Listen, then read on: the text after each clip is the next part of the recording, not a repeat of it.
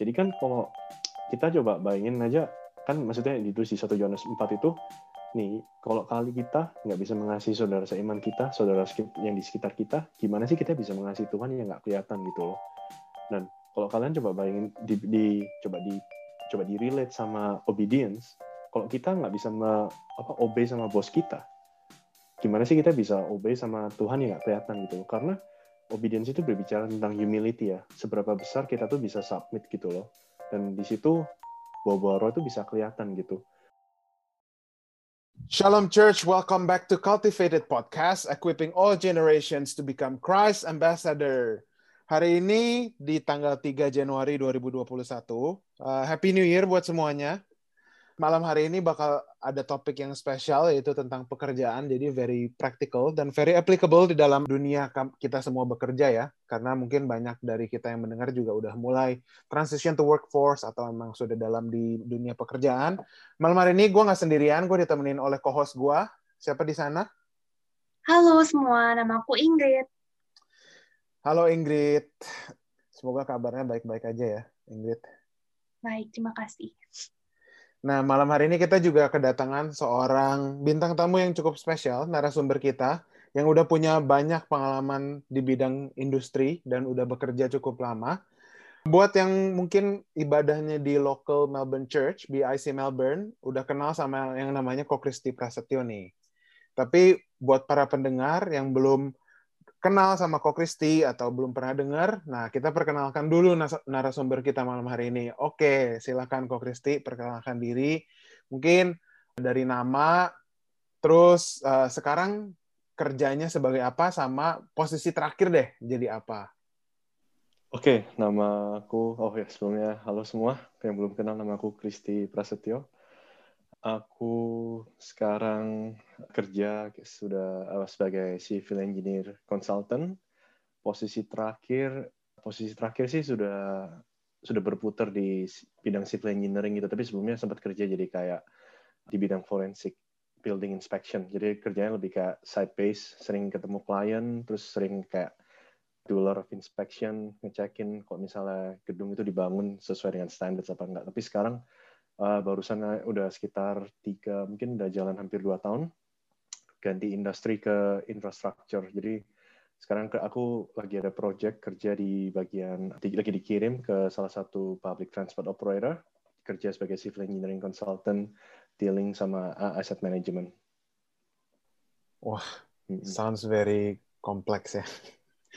Sebelum kita lupa, malam hari ini kita bakal introduce a topic di mana Obedience in the Workplace, kita boleh sebut titlenya Obedience in the Workplace. Ayat Alkitab ini kita ambil dari Ephesians 6 yang berbicara di ayat yang kelima itu dalam bahasa Inggris ya, slaves obey your earthly masters with respect and fear and with sincerity of heart just as you would obey Christ. Obey them not only to win their favor when their eye is on you, but as slaves of Christ, doing the will of God from your heart. Serve wholeheartedly as if you were serving the Lord, not people, because you know that the Lord will reward each one of whatever good they do, whether they are slave or free. Terus lanjutan yang sampai ayat ke-9. And masters treat your slaves in the same way. Do not threaten them, since you know that he who is both their masters and yours is in heaven, and there is no favoritism with him. Nah, mungkin karena konteksnya zaman dulu masih ada yang namanya slaves and master, sekarang uh, kalau kita bawa ke konteks zaman sekarang mungkin udah lebih seperti bos sama anak buah lah. Kita karena kita kan udah nggak ada slaves ya, itu udah dari zaman kapan sudah dihilangkan kategori uh, term slave itu juga udah mungkin jadi konotasi sekarang, tapi mungkin zaman dulu enggak. Nah, kita mau mulai dengan sebuah pertanyaan nih kok. Pertanyaan yang sering jadi pertanyaan banyak orang juga. Koko ini punya pandangan terhadap pekerjaan seperti apa nih? Are you a person who is living to work or work to live? Oh, ya, yeah. I think jelas work to live kali ya. Soalnya kalau misalnya kebalik gak, udah udah nggak bener kan. Misalnya fokus fokus kita tuh istilahnya kayak oh aku setiap hari kerja nih kerja kerja kerja terus terus hidupku buat apa gitu tentunya kalau kita balik lagi ke konteks tentang uh, biblical ya kita hidup kan at the end of the day kita mau jadi berkat buat orang-orang di sekitar kita gitu. Sedangkan kalau kita istilahnya hidup kita dipenuhi dengan pekerjaan doang, ya kita tentunya kita kebalik dong itu udah salah gitu. Sama aja kayak orang misalnya dibilang, oh kamu live to eat atau eat to live. Aku baru saja bahas itu sama istriku. Terus dia bilang kan ada orang kayak istilahnya kayak wah I live to eat gitu. Jadi aku tuh hidup itu istilahnya harus penuh dengan makanan-makanan ini. Mau coba A, B, C, D, E itu kan nggak ada habisnya kan. Itu jadi mesti kebalikannya gitu loh work atau eat itu tuh suplemen supaya kita tuh bisa hidup. Oke, luar biasa, betul banget, setuju, setuju, setuju. Oke, boleh diambil oleh Ingrid. Sama, aku juga setuju dengan um, jawabannya kok Kristi.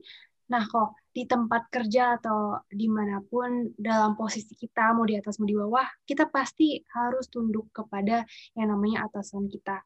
Di Alkitab, ada beberapa nih ayat tentang tunduk atau submission. Contohnya tadi barusan kalau Mike baca di Efesus 6 dan juga sering banget orang-orang kalau misalkan ngomongin dalam ayat yang disering dipakai untuk pekerjaan itu kalau setiga ayat 23 yang apa pun juga yang kamu perbuat, perbuatlah dengan segenap hatimu seperti untuk Tuhan dan bukan untuk manusia. Ada juga di 1 Petrus 2 ayat 13-14 yang dibilang, Tunduklah karena Allah kepada semua lembaga manusia, baik kepada raja sebagai pemegang kekuasaan yang tertinggi, maupun kepada wali-wali yang diutusnya untuk menghukum orang-orang yang berbuat jahat dan menghormati orang-orang yang berbuat baik. Nah, apa tanggapan Ko Kristi tentang bertunduk kepada atasan kita di tempat kerja? Itu kalau konteksnya dibalikin lagi ke Bible ya. Kita tuh uh, kita udah tahu tuh si Paulus sudah tuliskan di Bible kalau kita kerja ingat di mana pun bagaimanapun kita kerja kita tetap mesti bisa obey sama atasan kita gitu. Aku aku setuju banget sama hal itu gitu karena manusia pada dasarnya kita tuh ada tendensi buat berontak gitu loh. Dan I think kalau kita bisa coba ambil value-nya dari pekerjaan ya tentunya kita misalnya aku kalau share tentang kerjaan ya uh, dealing sama bos aku dari beberapa pekerjaanku yang sebelum-sebelumnya pasti ada ups and downs-nya gitu loh. Jadi nggak selalu berjalan mulus, nggak nggak selalu enak gitu kan. Kita pasti kadang, aduh sebel nih sama bosku yang ini gitu kok dia kayak demanding banget apa pun gitu. Tapi aku selalu aku selalu diingetin waktu aku inget ini ini kejadian udah mungkin udah hampir belasan tahun, mungkin 10 tahun yang lalu aku ada satu anak di uh, di kulku. Jadi dia sekolah di William English sama jadi kan kalian kalian I think kalau sekolah di dalam English terus kalau kalian itu ambil bachelor degree-nya kalian diharuskan kerja at least enam bulan kalau nggak salah. Jadi mesti di kayak magang gitu ya internship gitu. Dia cerita waktu di kul ini waktu aku masih belum bekerja jadi posisiku um, aku masih uni juga tapi aku lagi udah mau selesai sekolah terus dia kebetulan dia udah masuk industri duluan gitu karena dia memang diharuskan kerja. Dia bilang dia sebel sama bosnya ini itu. Tapi satu hal yang tadi Ingrid juga udah bilang kalau setiga dua tiga dia selalu kutip ayat itu. Dia bilang ya aku udah dikasih Tuhan pekerjaan. Maksud gue udah bisa sekolah di Melbourne itu suatu blessing. Terus Tuhan juga mempercayakan aku bekerja di perusahaan ini gitu. Misalnya waktu itu kan dia di bidang food industry kan. Dia bilang bosnya demanding banget. Terus kayak long hours. I think especially kalau kalian yang bekerja di bidang food industry tough banget sih. Kalian tau kan kalau lihat Hell's Kitchen ya Gordon Ramsay kan kayak kasar banget kan kayak serba gerak sana sini lah terus kayak wah environmentnya kayak benar-benar berat gitu loh. Tapi dia selalu diingetin sama kalau setiga dua tiga gitu.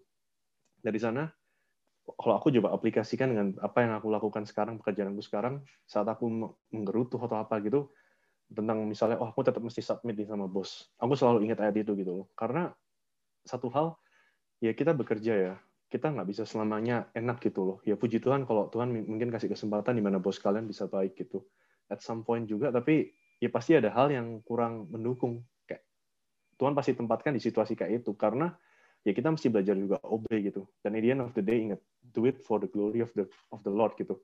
Aku diingetin juga dari ayat Kolose 3 23 kalau kalian bisa sambungin ke 1 Korintus 10 ayat 31 kalau nggak salah. Coba um, aku aku ada deh ini. Coba aku bacain ya jadi di 1 Korintus 10 ayat 31 ini ditulis nih. So whether you eat or drink or whatever you do, do it for the glory of God. Jadi nggak Paulus tulis di sini itu nggak bukan masalah tentang kamu makan atau minum. Soalnya ditambahin kan or whatever you do, do it for the glory of God. Nah, eventually um, berbicara tentang obedience, at the end of the day, kalau kita tuh ngelakuin dengan kayak, oh ya pokoknya lakukan buat Tuhan lah. Tapi kalau kita tuh nggak tahu kenapa kita mesti lakuin buat Tuhan, kita bisa lost interaction kan gitu kan. Makanya di 1 Korintus 31 itu ditulis uh, do it for the glory of God gitu. Dari sana aku dapat dapat um, kayak misalnya dapat kayak semacam kekuatan gitu. Oke, okay, meskipun bosku galak, ini nggak enak nih deal sama dia, tapi aku tetap mau submit, aku mau tetap lakukan yang terbaik karena ya ujung-ujungnya aku juga mau melakukannya buat Tuhan gitu. Kasih kemuliaannya balik ke Tuhan. Karena Tuhan yang sudah bless aku dengan pekerjaan yang sudah dipercayakan gitu, suatu role yang bisa aku lakukan gitu. Hmm, aku biasa bisa relate sama anak komsel koko sih. Soalnya aku juga sempet sekolah masak terus aku harus magang. Dan itu pertama kalinya aku kerja. Terus juga dapet chef yang sangat-sangat galak dan serem yang bikin aku kayak pengalaman aku tuh sangat-sangat bitter with work gitu. Aku yang kaget banget.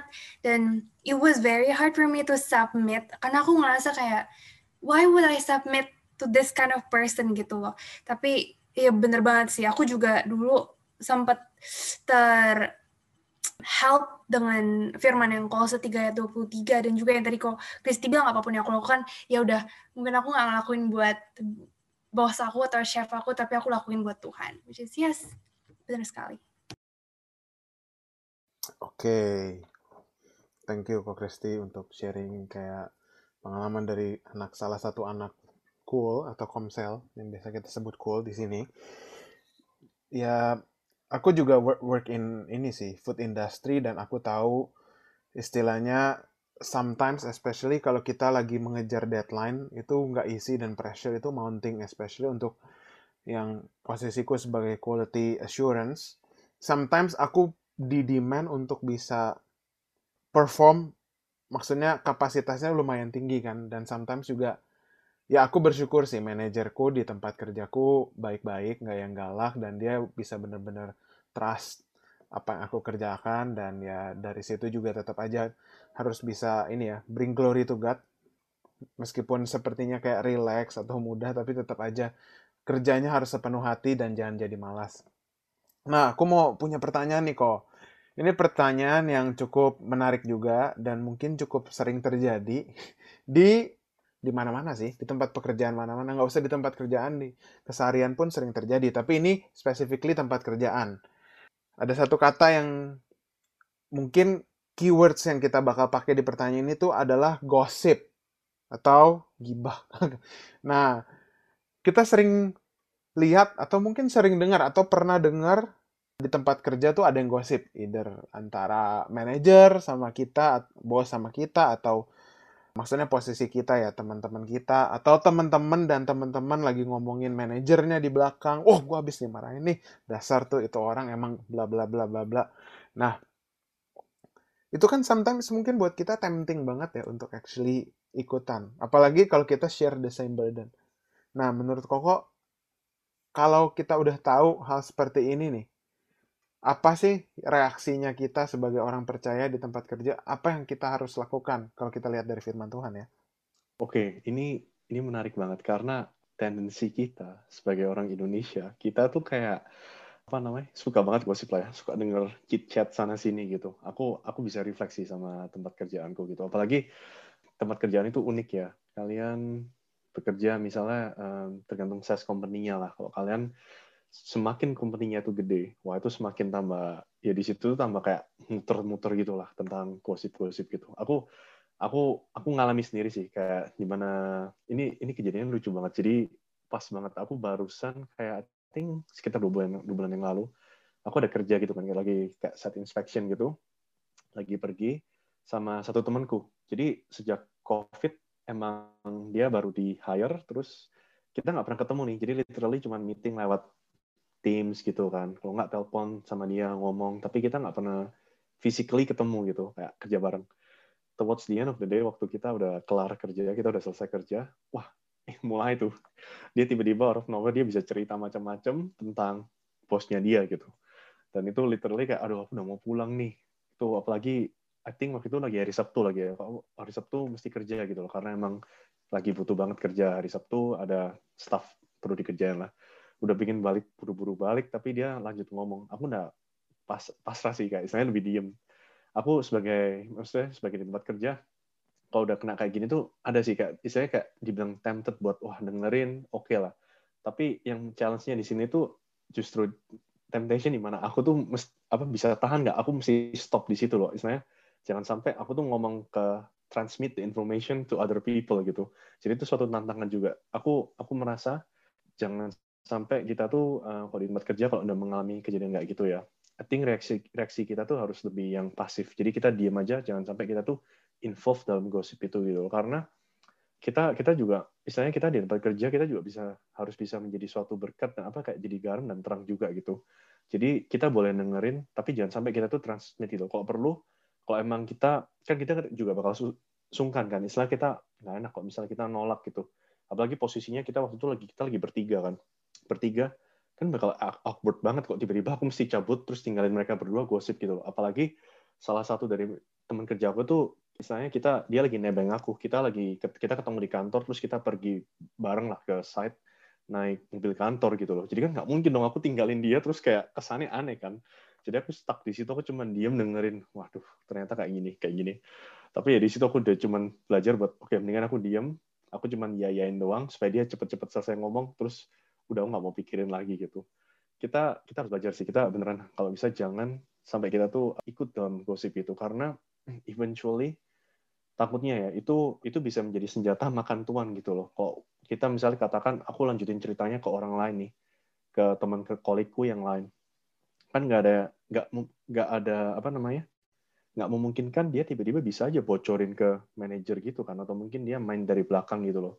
Karena tempat kerja tuh bener-bener gawat guys istilahnya tuh dunia yang penuh dengan politik dan kambing hitam dan juga backstep gitu jadi kita sebagai orang percaya menurutku harus bisa jaga diri juga gitu. Kita lebih harus bersifat netral dan kita harus pasif. Oke, oke, oke, oke. Agak, sometimes mungkin kita juga secara nggak sadar lagi nimbrung mungkin in conversation nggak sadar tuh ternyata itu maksudnya lagi ngegosip kan kadang-kadang kita juga kayak something yang mungkin awareness kita terhadap gosip itu mungkin harus lebih ditingkatkan ya. Sometimes kan kita lagi cerita-cerita tentang orang tapi begitu udah mulai bawa-bawa cerita terus bawa-bawa rumor yang nggak pasti lah itu kayak wah berat juga ya. Apalagi kalau kita jadi yang diceritain. Tapi bener banget sih kata menurut Ko Kristi aku juga setuju kalau kita memang harus jaga hati. Meskipun kita diceritain istilahnya gosip apalagi orang udah ngomongin tentang manajernya tentang yang nggak baik kita tetap harus bisa jaga hati dan keep our integrity untuk nggak spread the false information gitu kan tanpa kita actually tahu the fact gitu kan ya. Oke, um, pertanyaan berikutnya nih kok Kristi. Kalau tadi kita ngomongin gosip, nah sekarang kita ngomongin yang mungkin lebih berat. Di Australia sendiri yang aku tahu, culture-nya di company-company Australia itu sangat mementingkan yang namanya fair works. Fair in the workplace. Nah, kan kita tuh juga tahu lah ya, beberapa treatment yang unfair. Misalnya yang gampang, kita work overtime, tapi kita nggak dibayar. Lalu kita mungkin kita pekerjaan kita kapasitasnya tinggi, tapi apa yang diberikan kepada kita remuneration-nya tidak sesuai misalnya, tidak sesuai dengan kapasitas, padahal ada standarnya. Itu kan ber, uh, contoh lah, beberapa contoh uh, unfair treatment in the workplace. Nah, aku mau tanya nih kok, apakah Koko pernah being treated unfair sama kalau misalnya part kita sebagai orang Kristen yang mengalami hal seperti itu, sampai sejauh manakah kita boleh uh, merespon atau bereaksi gitu. Istilahnya kayak apakah kita ketika di treat unfair ya udahlah maksudnya just do it gitu loh as if kita do it for the Lord even though kita tahu ini kita treated unfairly dan kalau kita lihat ke government punya law kita tuh sebenarnya being treated unfair dan kita punya privilege untuk actually claim atau ini uh, bisa dapatkan posisi yang lebih baik lah istilahnya. Apa yang kita harus lakukan sebagai orang percaya yang tahu firman Tuhan meskipun sepertinya kita di treat unfair. Nah, ini menarik banget. Puji Tuhan ya, aku selama ini aku dalam berkarir, aku aku nggak nggak pernah yang mengalami kasus di mana kayak aku di treat unfair gitu loh. Tapi di posisi kita misalnya kalau kita udah tahu kita udah beyond capacity ya, um, aku tetap percaya itu something yang kita bisa bawa dalam doa sama kalau ada momen yang bagus kita bisa coba juga ngomong sama HR atau mungkin ngomong sama bos kita gitu. Tapi kalau aku boleh sharing, aku aku bukan aku merasa di treat unfair, tapi ini waktu pertama kali aku jadi aku kan dulu sempat kerja jadi industrial engineer gitu kan di ya di salah satu perusahaan bikin pesawat terbang lah. Nah waktu itu kan karena kerjaannya tuh project base, jadi itu bukan semacam permanent opportunity gitu loh. Istilahnya aku lebih yang arah, oh aku kontrak, jadi aku dikontrak selama beberapa bulan. Nah eventually manager aku tuh cari cari buat role buat supaya bisa di extend gitu kan. Jadi kayak saya dapat job yang lebih secure ya. Jadi waktu aku apply, at the end of the day aku aku nggak dapat karena emang compete-nya itu kayak sama ada at least 4 atau enam orang gitu ya internal applicant only itu jadi belum yang dari eksternal ya nah yang aku kayak waktu itu sedihnya tuh karena uh, waktu aku bekerja aku tuh merasa kayak aku kerja udah maksudnya nggak main-main dan aku tuh selalu istilahnya uh, kerja oke okay lah kayak selalu produktif terus kasih hasil juga terus kayak kasih reporting. Bahkan aku juga sampai sempat waktu ada trainee orang baru selama tiga bulan kayak ada, aku lead the group juga gitu loh. Karena kita kan project based activity kan. Nah yang aku kecewa waktu itu benar-benar aku lumayan kecewa banget sih. Karena ada satu teman aku yang ya istilahnya dia tuh orang kenal aku kenal juga. Dan tapi dia dari kepercayaan lain ya. Dan kayak istilahnya waktu performa kerjanya dia sama aku tuh aku yakin banget waktu itu aku tuh benar-benar kayak di atasnya dia gitu. Jadi aku merasa kayak, oh mestinya aku aku yang deserve kerjaannya gitu loh. Soalnya aku ngeliat kayak dia bisa aja kayak out of nowhere mungkin dia lagi bosen, dia buka handphonenya sambil kerja gitu kan. Kayak kok bisa gitu kan? Kayak aku makanya aku tiap kali inget itu kayak aku kesel sendiri gitu sampai aku tuh share ke cool aku ke komsel aku waktu itu kayak aku sedih banget karena aku nggak bisa secure the job dan kayak aku benar-benar waktu itu lagi down banget. Tapi aku diingetin ya itu gara-gara kejadian itu kejadian itu aku tuh benar-benar kayak Tuhan itu kayak kasih pukulan telak gitu loh kayak bilang nah Kristi kamu ngerti ya? Jadi meskipun kerjaan tetap Tuhan itu kayak misalnya dia tuh kasih tahu aku berbicara bilang tetap aku tuh yang in control gitu loh. Kok emang aku nggak mau kasih kamu di kerjaan yang ini? Ya kamu mesti tetap belajar berserah gitu. Kamu mesti setia sama aku gitu. Kamu ngerti aja. Ingat aku yang bakal tuntun jalanmu dan kamu mesti penuh berserah um, sepenuhnya kepada aku gitu. Di situ aku benar-benar belajar yang namanya um, submission sih sama obedience sama Tuhan gitu. Jadi um, aku merasa karena aku merasa di unfair banget kan kayak Tuhan aku pikir sebagai orang percaya bukan yang mestinya Tuhan bakal kayak peduli gitu sama kehidupan kita tapi enggak kenyataannya enggak gitu loh Tuhan bikin aku lewat jalan yang berliku dan sampai aku mesti uh, end up kayak aku akhirnya putusin juga aku mengambil master sekolah lagi kan. Jadi aku ambil master belajar civil engineering gitu karena aku pengen coba opportunity lain dan aku merasa kayak I don't think aku ini kayak apa namanya very happy with what I was doing before gitu. Makanya aku kayak akhirnya took the opportunity terus sama aku percaya sama Tuhan gitu. Apalagi kalian bayangin ya waktu itu kan istilahnya kita tuh di mana-mana di masa di mana kalian itu mau meniti karir, karir kita gitu loh. Bisa meniti karir terus tiba-tiba Tuhan malah bikin aku lewat jalan yang lain gitu. Di situ benar-benar yang namanya aku belajar uh, gimana sih percaya sama Tuhan sepenuhnya gitu. Sampai aku satu hal yang aku happy banget sampai sekarang, aku sampai sekarang ngeliat di mana apa ya proses demi proses. Aku bahkan ngelihat orang-orang tuh bisa dapat kerjaan tuh aku bisa seneng gitu. Kayak recently aku barusan aja uh, kayak coba bantuin temanku buat dapat kerjaan baru. Terus dia dapat dia dapat kerjaannya gitu. He he end up getting the job. I, I was so happy. Meskipun aku nggak nggak bisa misalnya kayak jadi direct blessing ke dia misalnya kayak kenalin Tuhan. Tapi at least aku tuh bisa bantu dia gitu. Dan aku aku sama sekali nggak jealous. Tapi aku aku malah bisa happy sama dia gitu loh. Di situ I think satu hal yang aku belajar dari kejadian yang aku udah ngelewatin ya. Tuhan itu Tuhan itu lebih peduli dengan karakter kita daripada apa yang kita tuh dapetin gitu. Karena karakter itu yang lebih bisa dibentuk dan bisa dibawa um, buat in a long term gitu. Betul banget. Aku wah banget sih ya. Aku inget banget soalnya. Aku sempet menggerutu komplain nangis-nangis ke, ke, ke ketua komsel aku juga Cici komsel gitu. Habis itu aku kayak suka nanya ke dia kenapa sih Ci? Why is this happening? Terus dia juga ngomong hal yang sama yang kok Kristi bilang kayak Tuhan tuh lebih peduli sama karakter kamu Sih. Thank you for sharing that story again.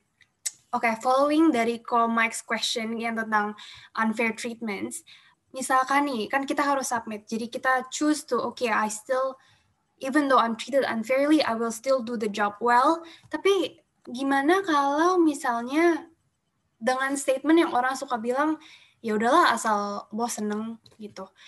Kita tetap kerjain sih, tapi hati kita tuh sebenarnya nggak ikhlas gitu kok. Apakah itu salah? Nah, wah ini menarik banget pertanyaannya. Aku tricky sih. Aku nggak bilang salah ya, soalnya kita di dunia pekerjaan masa berbicara soal masalah hati, kita mesti sadar dulu dong, kayak kalian waktu apply kerjaannya tuh, kalian baca baik-baik nggak sih job description-nya gitu loh, sama responsibility yang kalian bakal lakuin gitu kan. Eh, pasti ada kejadian di mana aku misalnya disuruh bosku kerjaan A, B, C, N, D, dan dari A, B, C, N, D mungkin aku nggak happy sama CND tapi ya tetap aku lakuin gitu. Di sini kalau aku boleh share Tuhan mau ngajarin kita gimana kita bisa belajar obedience ya. Karena kayak kalian bayangin deh Tuhan yang nggak kelihatan gimana sih kita tuh bisa obey sama Tuhan yang nggak kelihatan? Sedangkan kalau sama manajer kita gitu yang kelihatan nih di depan mata kita nggak bisa obey sama manajer kita gitu. Sama halnya kan kalau kalian uh, I think gereja kita barusan bulan November bahas tentang kasih kan yang dari satu Yohanes 4 itu loh. Nah, kalau kalian uh, kalian coba baca di ayat yang satu Yohanes 4 ayat 20 sampai 21. Jadi kan ditulis nih yang di depanku bahasa Inggris ya. Jadi whoever claims to love God yet hates a brother or sister is a liar.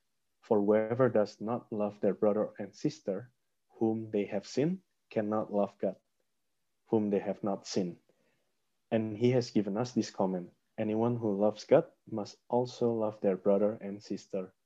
Jadi kan kalau kita coba bayangin aja, kan maksudnya di di 1 Yohanes 4 itu, nih, kalau kali kita nggak bisa mengasihi saudara seiman kita, saudara yang di sekitar kita, gimana sih kita bisa mengasihi Tuhan yang nggak kelihatan gitu loh. Dan kalau kalian coba bayangin, di, di coba di coba di relate sama obedience, kalau kita nggak bisa me, apa obey sama bos kita, gimana sih kita bisa obey sama Tuhan yang nggak kelihatan gitu loh? Karena obedience itu berbicara tentang humility ya. Seberapa besar kita tuh bisa submit gitu loh.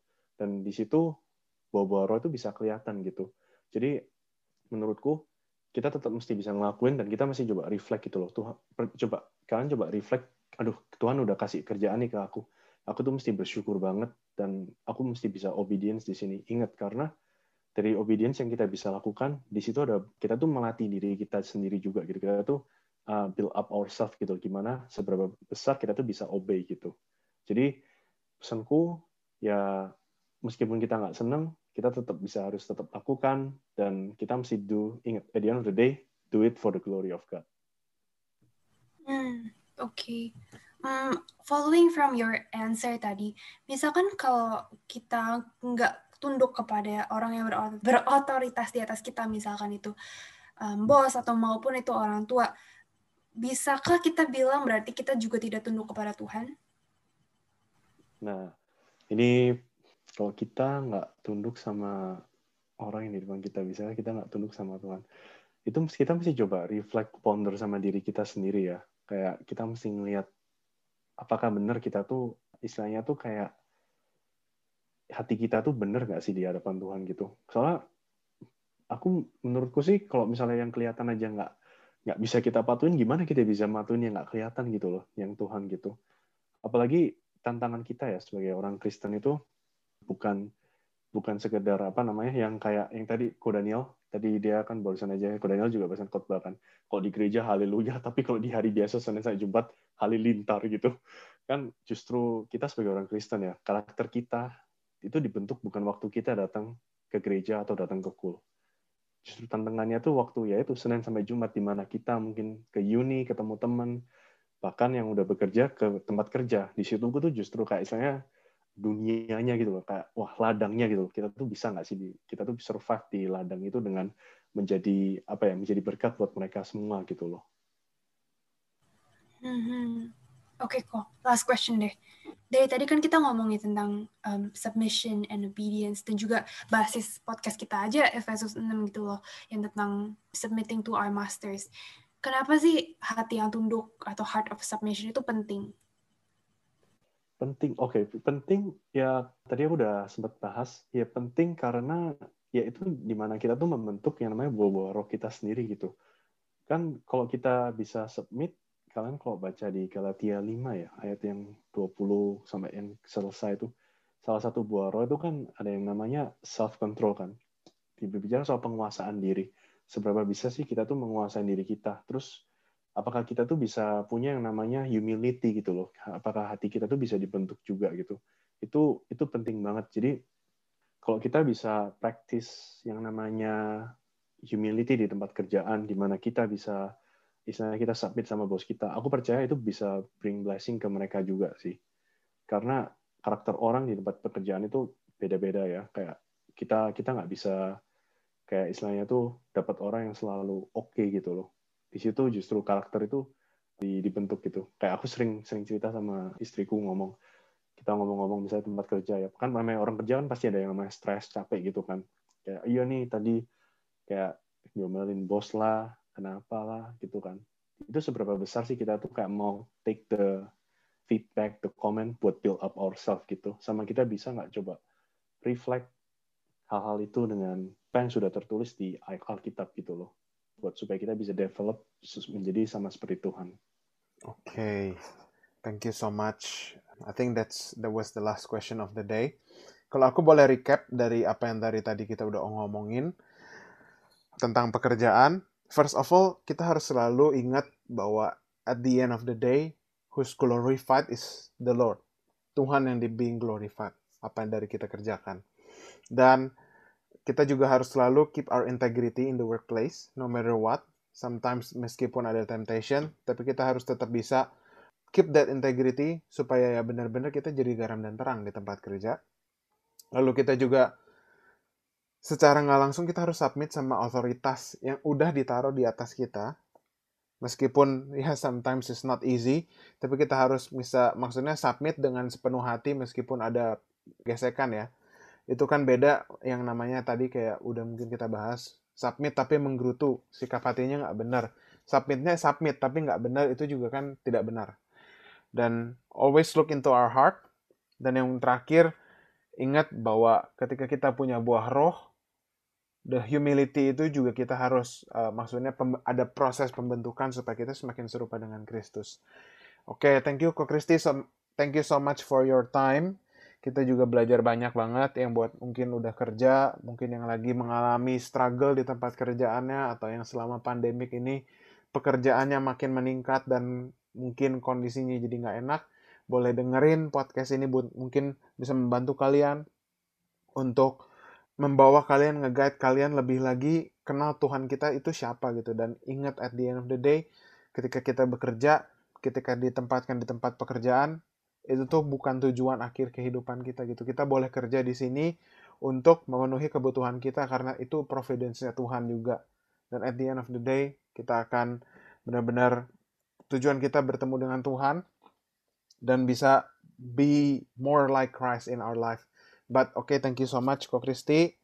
And that's gonna close our podcast today. Yes, thank you, Ko Christy, and thank you, Ko Mike. If you like our content, you could follow us on our Spotify, Cultivated Podcast, or our Instagram if you haven't, cultivated.podcast. And also, this podcast will be uploaded on YouTube at Cultivated Podcast, so do check it out.